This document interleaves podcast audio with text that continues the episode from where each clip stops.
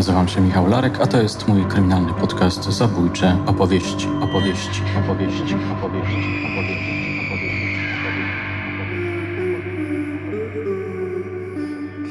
Kilka szybkich pytań do eksperta. Walicki, psycholog więzienny.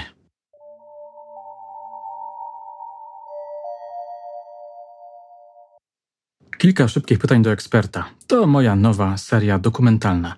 W jej ramach będę przepytywał różnego rodzaju ekspertów w zakresie kryminalistyki, prawa, psychologii i innych ciekawych dziedzin, często związanych z przestępczością, choć nie zawsze.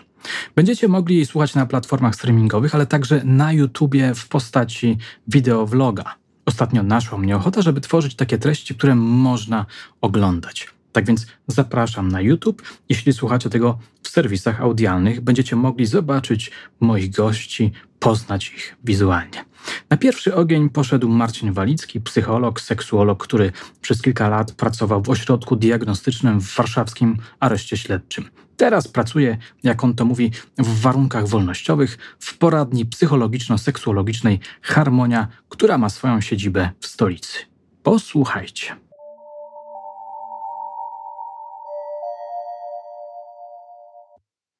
Dlaczego zostałeś psychologiem więziennym? Zawsze chciałem być y, mm, psychologiem w jakiejś formacji mundurowej.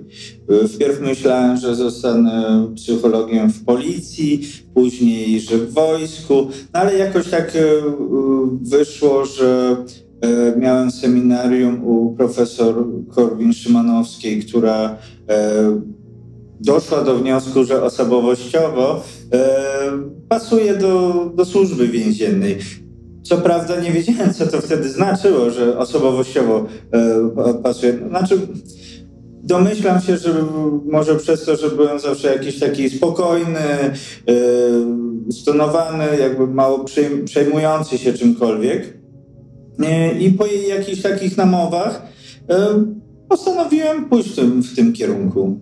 Żałujesz tej decyzji? Nie, nie żałuję. Znaczy, przede wszystkim uważam, że praca w służbie więziennej dużo mnie nauczyła. Mm, to jest na pewno duże i bogate doświadczenie, które no, jakby nie ma co ukrywać, ciężko znaleźć takie miejsce, gdzie można spotkać tyle osób, tyle y, osób z różnymi zaburzeniami osobowości. Jakby to jest takie ide fajne, wręcz idealne miejsce dla psychologa, który chciałby zdobyć doświadczenie. Najciekawsze wspomnienie zawodowe? Najciekawsze wspomnienie zawodowe to mm, pierwsze, co mi przychodzi na myśl, to mój były pacjent, który jakby ciężko powiedzieć, co tak naprawdę u niego było. Czy to rozpoczynająca się psychoza, czy może tutaj w dużej mierze miały do czynienia uzależnienie od narkotyków. Pan podawał się za brata Jezusa. E, on się nazywał Joshua w sumie to chyba też Jezus e, w hebrajskim, no właśnie. E, I on się o tym dowiedział, idąc po prostu ulicą, znalazł jakiś kamyk i tam miał ponoć wyryte te imię po hebrajsku Joszua i on już zrozumiał, że będzie bratem Jezusa. I przez całe badanie w ośrodku diagnostycznym próbował mnie do tego przekonać. E, naj, najbardziej mi się podobał jego cel, bo postanowił, że jego głównym celem będzie wyjechanie do Izraela i przekonanie e, ludzi do wiary chrześcijańskiej. A jedynie co, po jakiemu potrafił mówić, znaczy w innym języku, to po niemiecku. No. Za co trafił do więzienia? Za handel narkotykami. Za handel narkotykami znaleźli chyba u niego 10 kilo marihuany w bagażniku. No. Najgorszy moment? Najgorszy moment dla mnie i myślę, że zawsze będę go pamiętać, to jak y, nam osadzony popełnił samobójstwo. Wraz z kolegą, innym psychologiem i dwójką pielęgniarzy przez 40 minut reanimowaliśmy go, próbowaliśmy przywrócić funkcje ży życiowe do przyjazdu y, pogotowia. Y, nie ukrywam, że dla mnie to trwało chwilę, chwilę moment. E, natomiast e, no, koleżanka, która e, obserwowała to wszystko z boku, mówiła, że no, to trwało co najmniej 40 minut. Mm, nie udało nam się niestety uratować osadzonego. No. Wracasz czasami myślami do tego wydarzenia? Nie, już nie. Jakby myślę, że przez pierwszy rok zdarzyło się, że wracałem do tego myślami. E, szczególnie raz się na tym złapałem równo rok po zdarzeniu, bo to było w Mikołajki, więc jak e, rok po zdarzeniu właśnie w Mikołajki jakoś tak mimowolnie wróciłem myślami do tego zdarzenia. Ale później to już na szczęście myślę, że przepracowałem to. No. Czy pracując jako psycholog więzienny miewałeś sny związane z tą pracą? Tak, do dzisiaj miewam. E, pomimo, że już nie pracuję 8 miesięcy, no bo więcej. E, zdarza się, że, że, że mi się śni praca w więzieniu. To jakoś takie jest mimowolnie.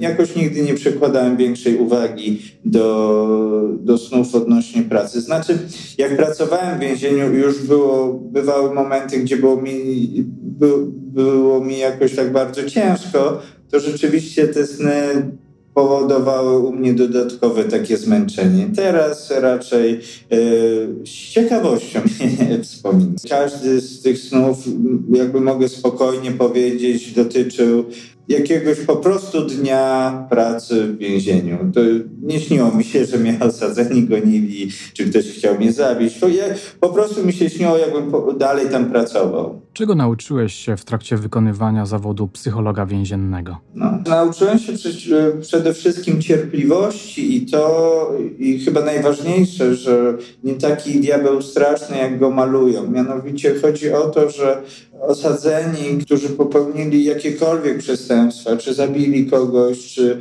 czy dokonali zgwałcenia, czy kradzieży, to nie są e, osoby, które na przykład kreują, ich mass media, że to są jakieś, że to są potwory, roboty albo cokolwiek. To są ludzie z krwi i kości, którzy też mają potrzebę rozmowy, którzy przy odpowiednim y, podejściu potrafią jakoś bardziej refleksyjnie podejść do swojego życia i które też potrzebują pomocy. Co chciałbyś przekazać słuchaczkom, słuchaczom na temat swojej pracy? A czy chciałbym przede wszystkim przekazać to, że jeżeli są osoby, które by chciały po, po podjąć się pracy y, w więzieniu, to żeby się nie bali, ale jakby chciałbym ostrzec, że najważniejsze jest to, żeby podejść do tego jak jak do zdobywania po prostu doświadczenia, żeby raczej nie, nie iść w tym kierunku, że chce zrobić tam karierę zawodową czy coś w ten stylu, bo szybko człowiek tam się e, zderzy ze ścianą, ścianą biurokracji i tego typu rzeczy. Ale jeżeli chcecie zdobyć jakieś, jakieś doświadczenie, a może inaczej, nie jakieś, bardzo ciekawe doświadczenie w pracy z osadzonymi, to jak najbardziej to jest dobre, fajne miejsce. No, dziękuję.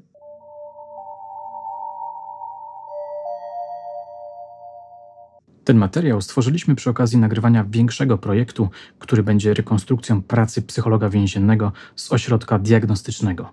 Słuchając go, poznacie realia pracy, poczujecie klimat więzienia, posłuchacie rekonstrukcji kilku ciekawych case'ów, no i poznacie świat wewnętrzny przestępców. Trzymajcie więc kciuki za powodzenie. A jeśli chcielibyście usłyszeć innych ekspertów, napiszcie z propozycją. Na koniec przypomnę fragment rozmowy z Marcinem Walickim, którą opublikowałem pod tytułem Psychoterapia diabła.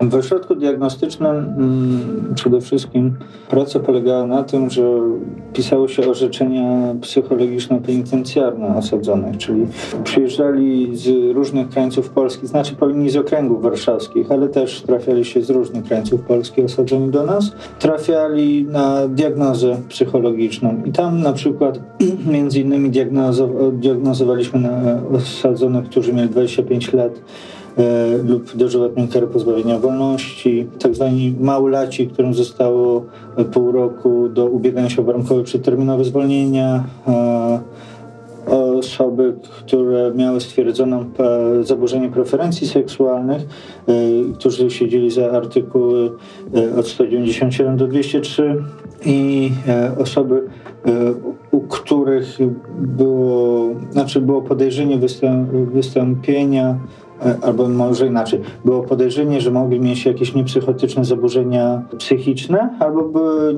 z niepełnosprawnością jakąś intelektualną. I w większości tych przypadków e, osadzonych diagnosta odpowiadał na pytanie, co dalej z tą osobą robić. Aha, okay. znaczy opinia nasza była bardzo podobna do opinii biegłych sądowych.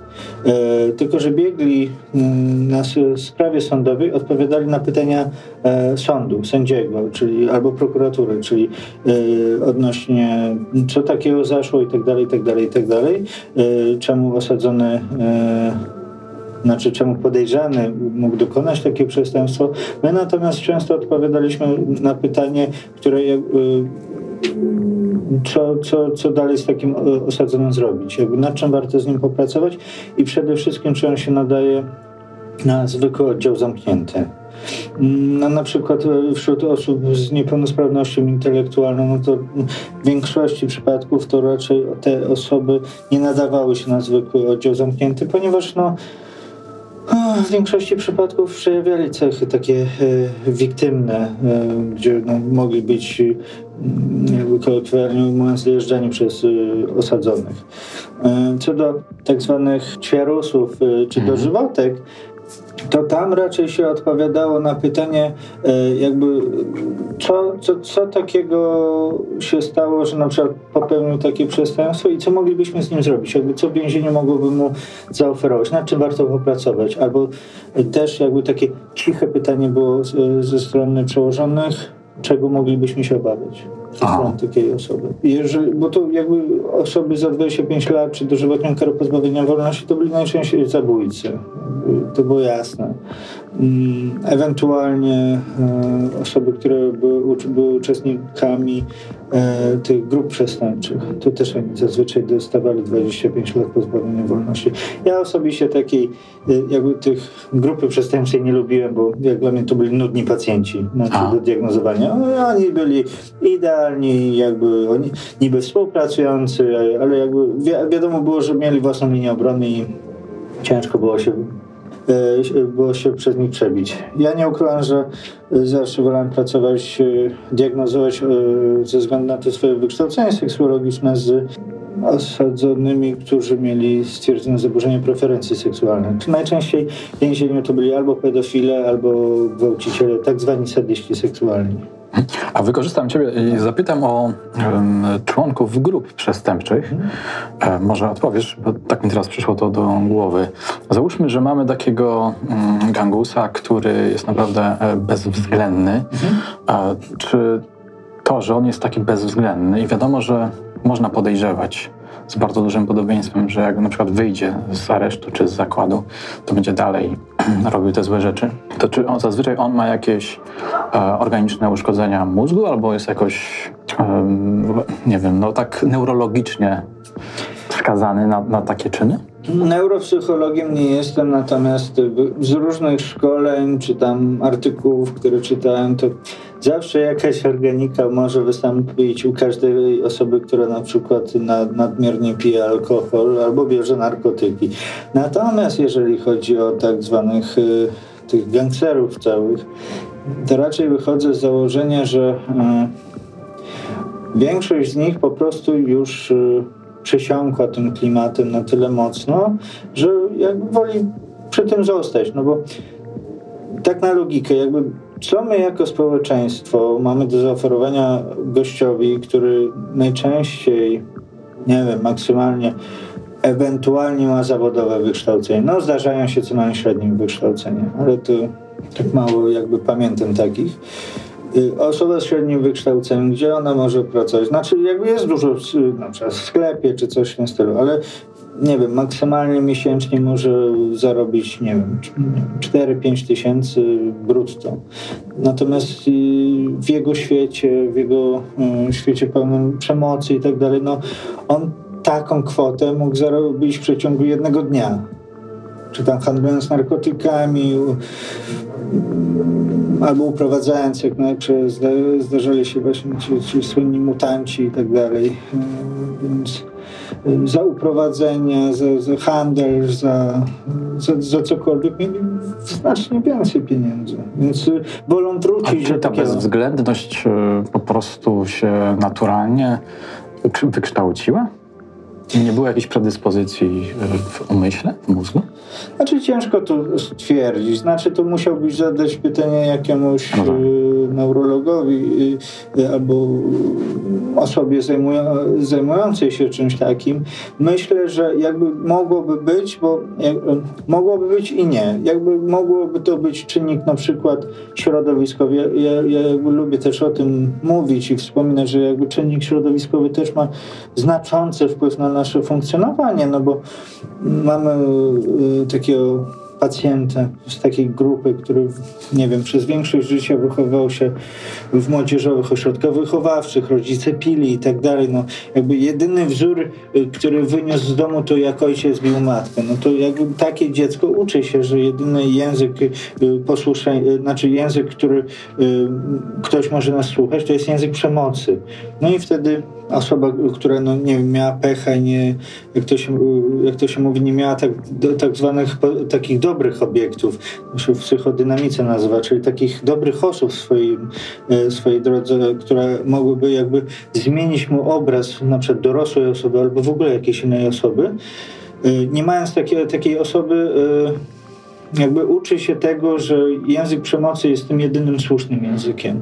Oczywiście to też jakby może być coś ze strukturami w mózgu, że na przykład, no nie wiem, uległ wypadkowi samochodowemu jakby, yy, i nie wiem, ma, miał jakieś uszkodzenia mózgu. Yy, na przykład, yy, no nie jestem neuropsychologiem, więc ale o ile pamiętam, to uszkodzenie e, płata czołowego też między innymi e, powoduje zmiany charakterologiczne, że na przykład z osoby spokojnej możemy stać się osobami agresywnymi. Zatracić empatię. Na, na przykład, albo na, załóżmy y, też y, y, nauka na takie przypadki jak padaczka skroniowa, które niektóre osoby przy padaczce skroniowej robią coś, czego później nie pamiętają.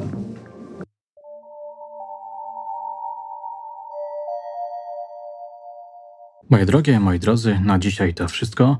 Mam nadzieję, że materiał wydał Wam się interesujący i będziecie wyczekiwać kolejnych szybkich pytań do eksperta. Dajcie łapkę w górę, piszcie komentarze, ślijcie maile. Do usłyszenia już niebawem.